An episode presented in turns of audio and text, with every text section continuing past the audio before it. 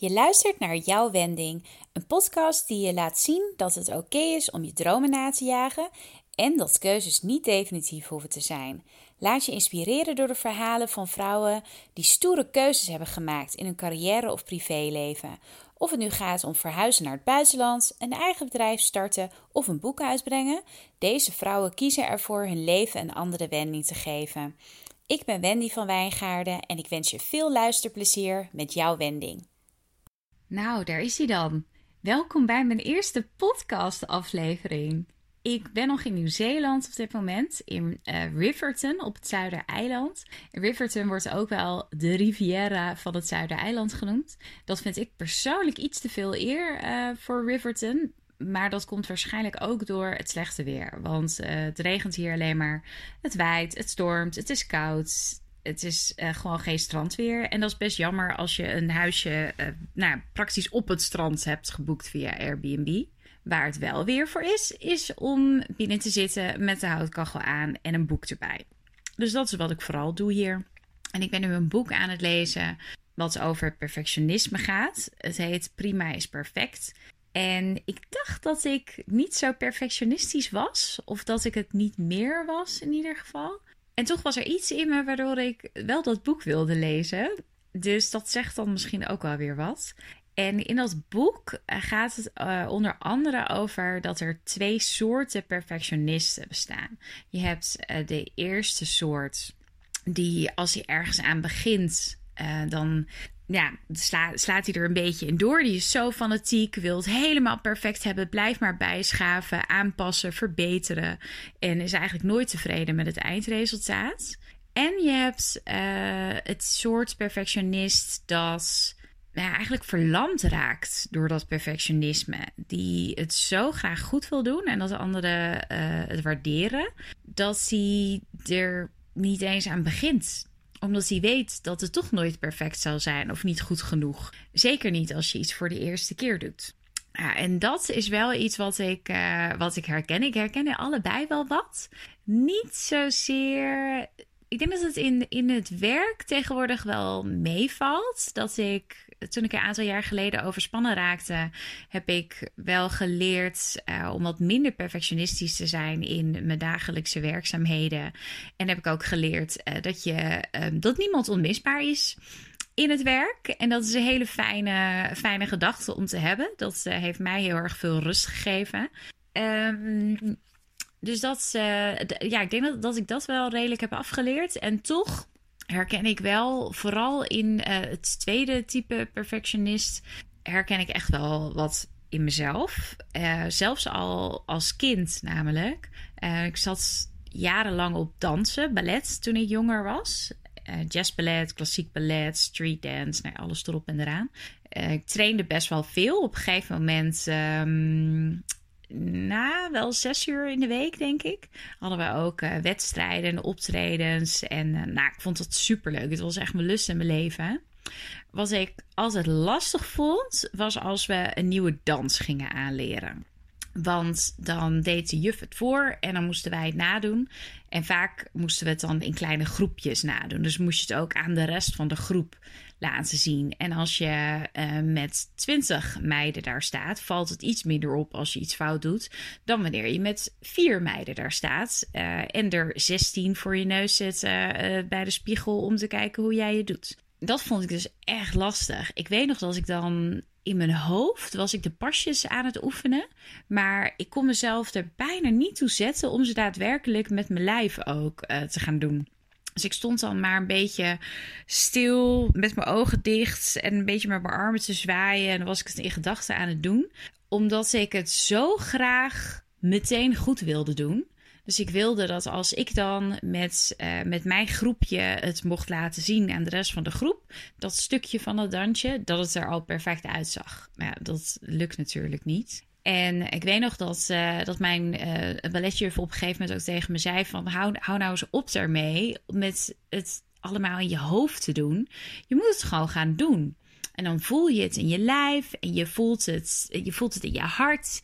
En dansen doe je niet met je hoofd, je doet het met je lijf en met je hart.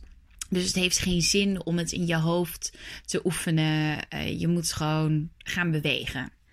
En nou ja, dat deed ik dan uiteindelijk ook. En uiteindelijk lukte het ook allemaal wel. Maar het was wel iets waar ik meteen aan moest denken toen ik dat boek aan het lezen was. Uh, wat ik gewoon herkende. En nu herken ik het ook wel weer met deze podcast. Want ik zit al sinds juni 2019 met het idee in mijn hoofd. Ik heb toen ook al een podcast-app gedownload. Ik heb al wat research gedaan over hoe je een podcast online zet. Ik weet nog steeds niet precies hoe ik dat uh, moet doen. Maar goed, als je deze hoort, dan is het blijkbaar gelukt. Ik had zelfs zo al verwogen om een professionele microfoon en zo te kopen. Want ik dacht, ja, dat heb je wel echt nodig.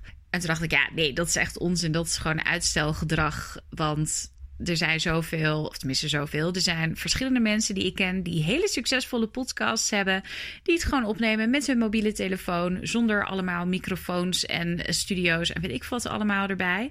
Dus ja, waarom zou ik het mezelf meteen zo moeilijk uh, moeten maken? Dat ze alleen maar uitstellen uh, om er maar niet aan te hoeven beginnen. En dus zit ik hier gewoon met mijn telefoon een niet perfecte podcast op te nemen. En dat vind ik best wel lastig maar ook wel heel erg leuk en spannend op een goede manier. Um, en ik, het is ook gewoon, zolang je er niet aan begint, wordt het natuurlijk ook nooit beter. Dus ik kan duizend uh, podcasts in mijn hoofd opnemen en heel veel ideeën opschrijven. En ik kan het er met mensen over hebben. Ik, um, nou ik, ik, was al bijna ook een, uh, een soort cover voor op uh, Spotify en zo. Een soort omslagfoto aan het ontwerpen. Maar daarvan leer je niet hoe je een podcast maakt.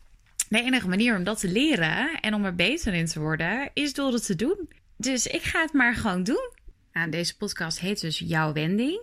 En dat heeft uh, alles te maken met het doel dat ik heb met deze podcast. Ik hoop jou in de komende afleveringen te inspireren en uh, ja, ook wel te triggeren om na te denken over hoe jij in het leven staat, de keuzes die je maakt, uh, hoe bewust je die keuzes maakt en in hoeverre je luistert um, naar je omgeving en naar wat er van je verwacht wordt, in verhouding tot wat je zelf het allerliefste zou willen. En dat wil ik niet in mijn eentje gaan doen. Ik heb een hele lijst met uh, vrouwen die ik wil gaan interviewen. Sommige heb ik daar ook al over gesproken. Kun je nagaan hoe ver ik al was met de voorbereidingen van deze podcast. Zonder dat ik überhaupt maar één aflevering had opgenomen. Um, het zijn stuk voor stuk vrouwen die ik heel erg inspirerend vind uh, vanwege bepaalde keuzes die zij hebben gemaakt in hun leven. En dat is bij sommigen is dat op werkgebied, uh, bij anderen is het in hun privéleven. En het zijn keuzes waarvan ik weet dat niet iedereen die zou durven maken, omdat het redelijk tegen de verwachtingen ingaat van, van hoe het hoort. En dat vind ik super stoer en heel erg inspirerend. En ik hoop dat uh, dat voor jou ook leuk en interessant is om naar te luisteren. En dat je misschien ook wel aanzet om dat ene ding wat je heel graag wilt, maar steeds niet doet omdat je het spannend vindt of omdat je weet dat je omgeving het niet leuk vindt um, of dat het niet is zoals het hoort in de maatschappij, um, om dat toch te doen. En het hoeft helemaal geen hele rigoureuze dingen te zijn. Het kan ook betekenen dat je je slaapkamer plafond zwart verft omdat het je super vet lijkt. Terwijl iedereen zegt dat, het, um, dat je het onmogelijk weer wit krijgt. Ik noem maar wat. Hm, nu ik het zo zeg, klinkt dat eigenlijk best wel rigoureus. Maar in vergelijking met um, je baan opzeggen uh, en voor jezelf beginnen, of een compleet andere carrière aangaan, of naar de andere kant van het land verhuizen in je eentje. Uh, weet je, dat, dat vind ik dan wat rigoureuzere dingen, zeg maar, dan je plafond schilderen. Anyway, dat is dus wat ik wil gaan doen met jouw wending, met deze podcast. Ik hoop dat je deze eerste aflevering uh, leuk vond om naar te luisteren. Ik vond het in ieder geval heel erg leuk om op te nemen. En mocht je nog iemand weten in jouw omgeving, of misschien jezelf uh, willen aandragen, omdat je vindt dat jij wel um, een hele stoere keuze hebt gemaakt in je leven die niet iedereen zou maken. Um, en je vindt het leuk om daarover te vertellen in deze podcast. Laat het me vooral weten, want dat vind ik echt super tof. Ehm, dus dat uh, hoop ik van je te horen. En sowieso zou ik het super leuk vinden als je laat weten wat je hiervan vond voor deze eerste aflevering. Ik denk dat het het makkelijkste gaat via Instagram, omdat ik daar het meest aanwezig ben. Dus dat is uh, Wendy helemaal aan elkaar. En dan hoop ik dat we elkaar snel weer spreken. Dankjewel voor het luisteren en tot snel.